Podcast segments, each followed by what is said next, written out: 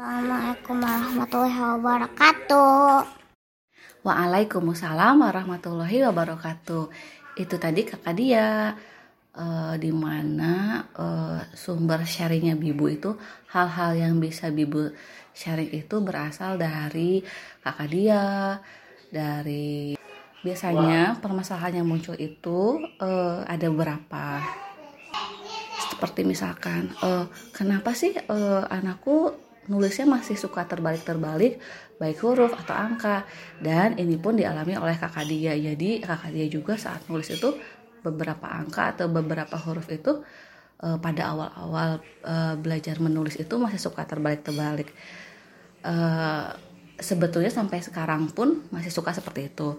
Kemudian uh, hmm, permasalahan lain tentang menulis itu uh, tulisannya yang uh, kenapa sih anakku tulisannya belum rapi atau belum bisa menyusun kata dengan uh, benar seperti itu. Nah sebelumnya kita bahas dulu tentang definisi menulis. Menulis adalah kemampuan untuk mengekspresikan diri uh, melalui bahasa tulisan. Jadi, tujuan akhir dari kemampuan menulis adalah anak mampu untuk menuliskan uh, kalimat sederhana dan mengkomunikasikan ide-idenya, hmm, uh, baik ke bentuk paragraf, surat, uh, bercerita, membuat cerita, ataupun menulis sebuah esai. Esai ini mungkin uh, di pada tingkat uh, di kemudian hari pada tingkat pendidikan lebih lanjut ini seperti anak membuat uh, hasil karya ilmiah, karya penelitian seperti itu. Jadi menulis adalah uh, salah satu bentuk uh, bahasa komunikasi Eh, dan ini mensyaratkan adanya integrasi antara keterampilan visual motorik yang harus dilatih. Perkembangan kemampuan dasar menulis pada anak itu uh, dimulai uh, melatih otot tangan dan otot jari itu awalnya itu berupa latihan mencoret-coret, membuat coretan-coretan yang belum bermakna pokoknya anak e, disediakan pensil dan kertas mereka pasti melakukan coretan-coretan. Ini bisa dilihat dari usia e, sejak masih di bawah 2 tahun. Nah kemudian anak belajar e, tracing mengikuti garis.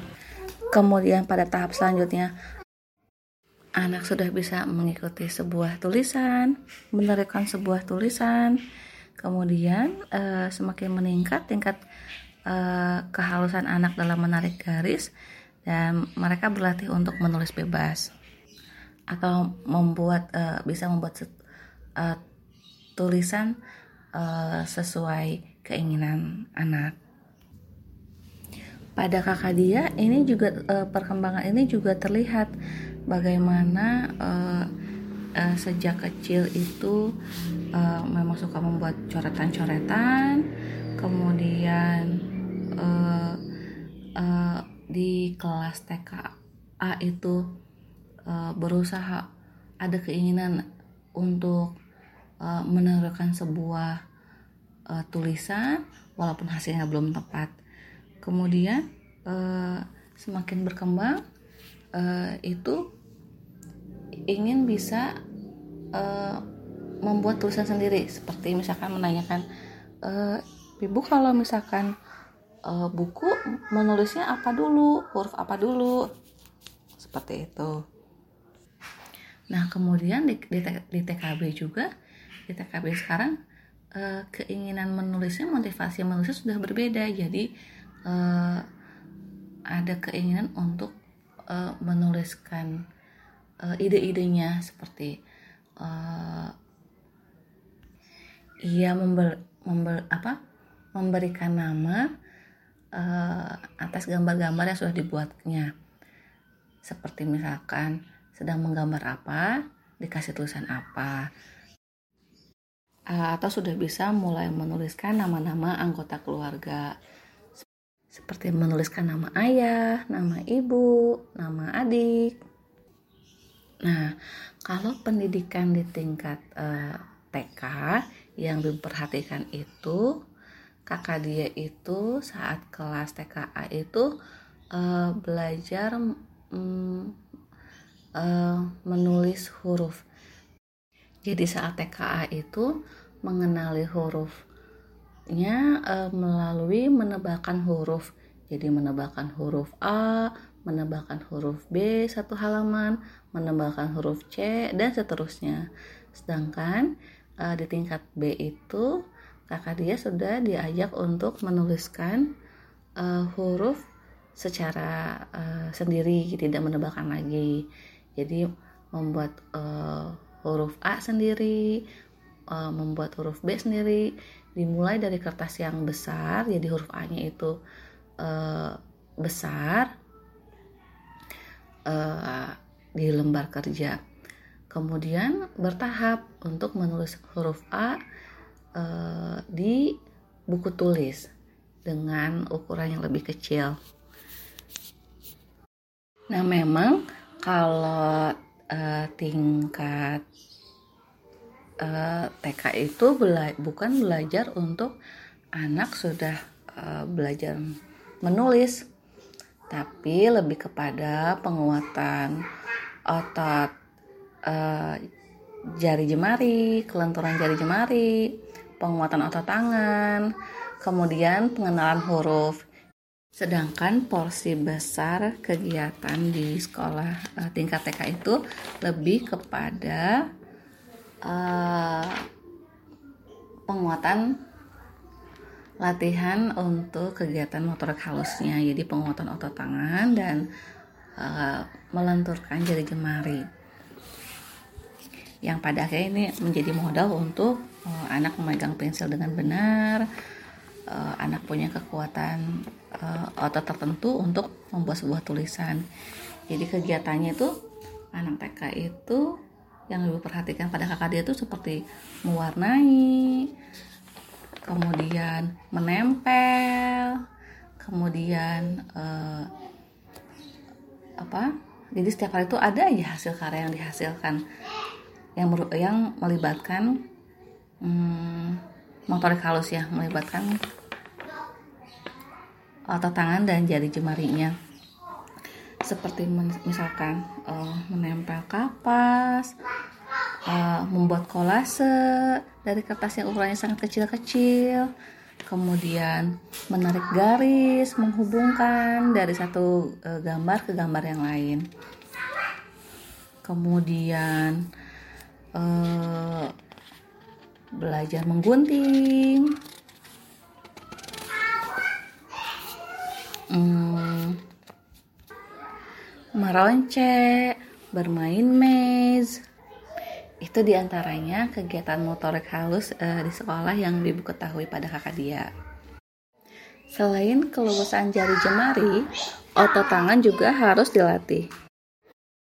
Jadi ibu menemukan ada perbedaan kualitas hasil menulis pada anak yang uh, dahulunya melewati fase merangkak dan pada anak yang dahulunya uh, tidak melewati fase merangkak jadi mereka skip nah pada anak-anak atau pada anak yang dulunya uh, tidak merangkak itu um, tulisan tangannya tarikan uh, garisnya itu kurang kurang jelas, kurang kuat. Dan uh, tarikan garisnya itu seperti bergerigi. Garis yang kurang lurus.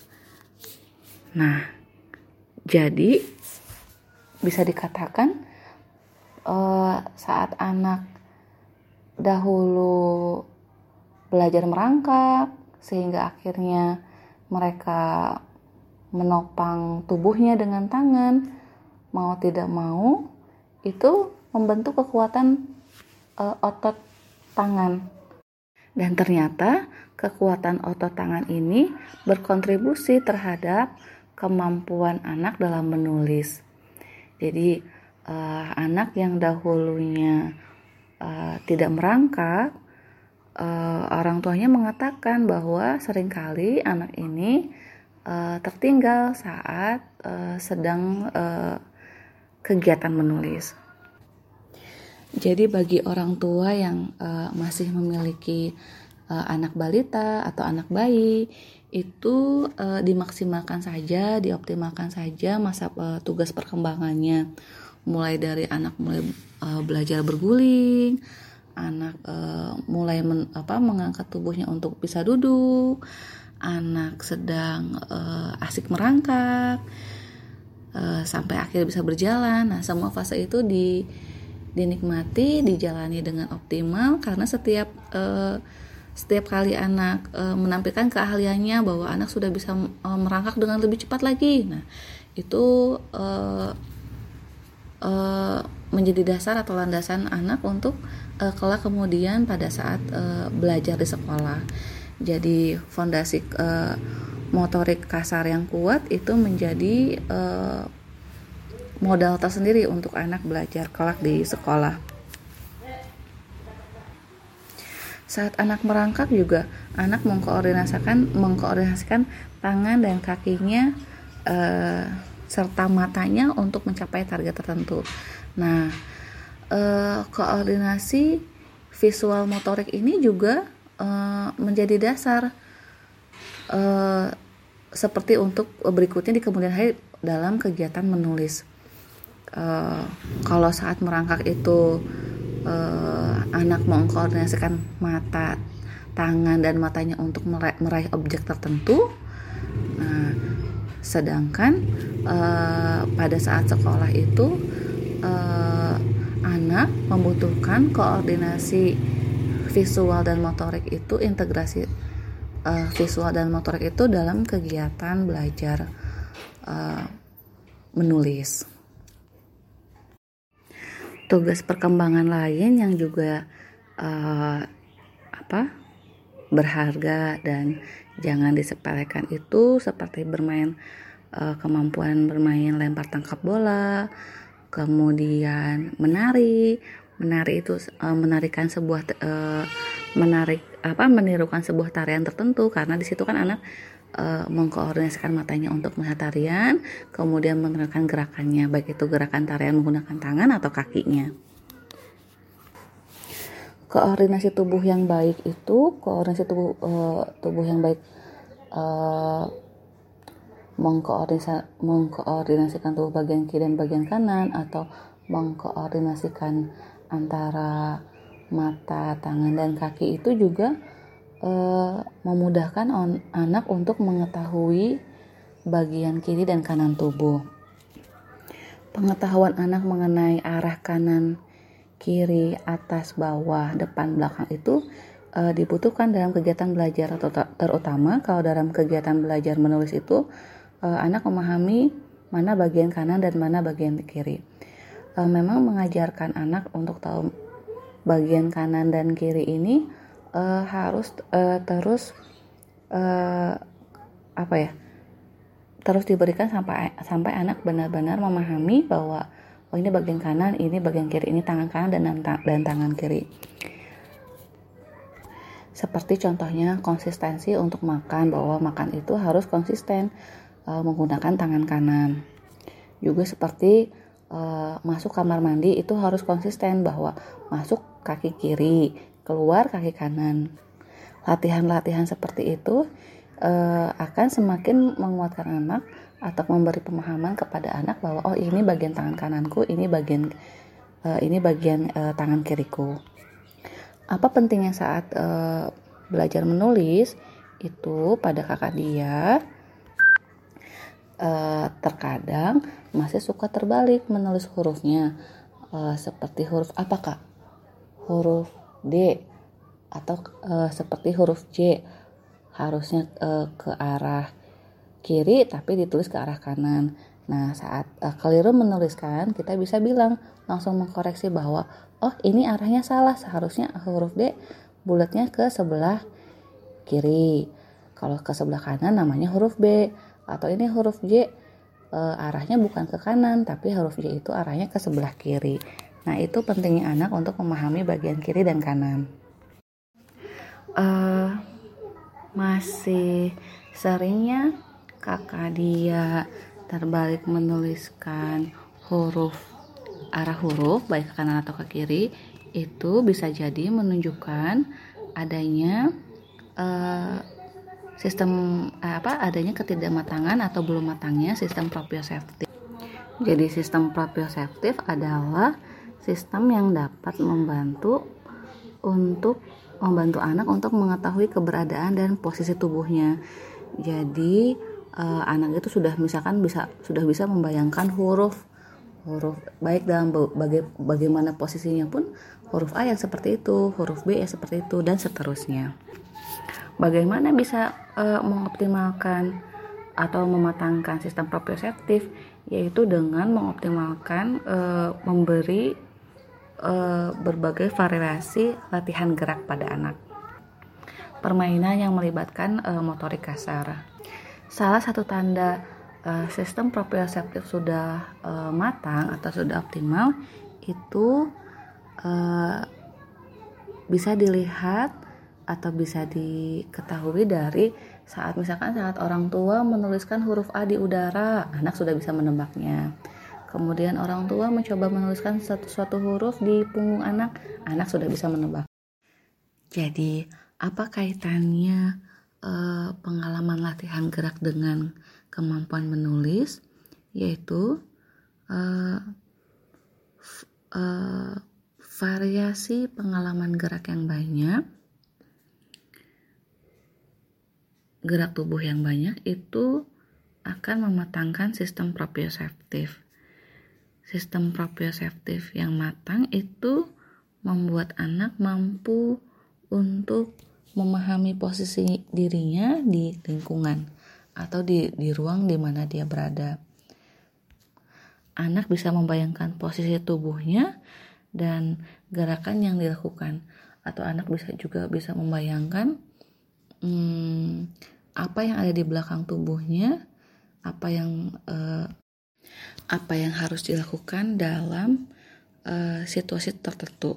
Contohnya, saat anak uh, harus melewati jalan yang sempit anak dengan uh, sistem proprioseptif yang sudah matang, ia bisa membayangkan bahwa uh, besar tubuhnya tidak akan bisa melalui jalan yang sempit itu kecuali ia memiringkan uh, posisi tubuhnya. Nah, kemampuan anak membayangkan uh, uh, posisi tubuh Eh, di lingkup di situasi seperti apa dia berada dan bagaimana dia harus memposisikan tubuhnya itu mencerminkan juga bahwa uh, anak ini sudah bisa membayangkan uh, huruf A misalnya bahwa bagaimanapun si huruf A ini uh, dilihat dari belakang, dilihat dari atas, dilihat dari bawah, anak ini tetap mengenali bahwa ini adalah bentuk huruf A di dalam bayangannya. Dan kemudian bayangan anak ini mengenai huruf A dia wujudkan dalam bentuk tulisan. Nah, pada kada, pada kakak dia bisa jadi karena sistem proprioseptifnya uh, masih berkembang dan saat ini mungkin belum berkembang secara optimal. Jadi bayangannya mengenai huruf B itu masih belum tepat sehingga diwujudkan ke dalam bentuk tulisan pun belum tepat. Dan hal ini masih bisa dioptimalkan karena memang usia TK itu masih usia stimulasi, masih usia berlatih, masih usia memantapkan uh, kemampuan motorik kasarnya, kemampuan motorik halusnya, sehingga sistem vestibular maupun sistem proprioseptif itu mm, masih memungkinkan untuk e, dicapai secara optimal. Melalui variasi e, gerakan motorik kasar, gerakan motorik halus, gerakan motorik kasar seperti berlari di ruang yang luas atau berlari di ruang yang sempit uh, itu bisa menambah um, pemahaman anak. Bagaimana posisi uh, saat dia bergerak di ruangan tertentu. Ruang yang besar di ruang yang kecil. Uh, setelah anak um, sudah mengenali semua huruf anak mulai belajar untuk menyalin satu kata, kemudian menyalin dua kata, kemudian bertambah menjadi menyalin uh, satu kalimat, kemudian uh, meningkat kepada anak mulai bisa menuliskan apa yang didengar. Seperti bunyi salah satu hadis yang berbunyi, "Ikatlah ilmu dengan tulisan."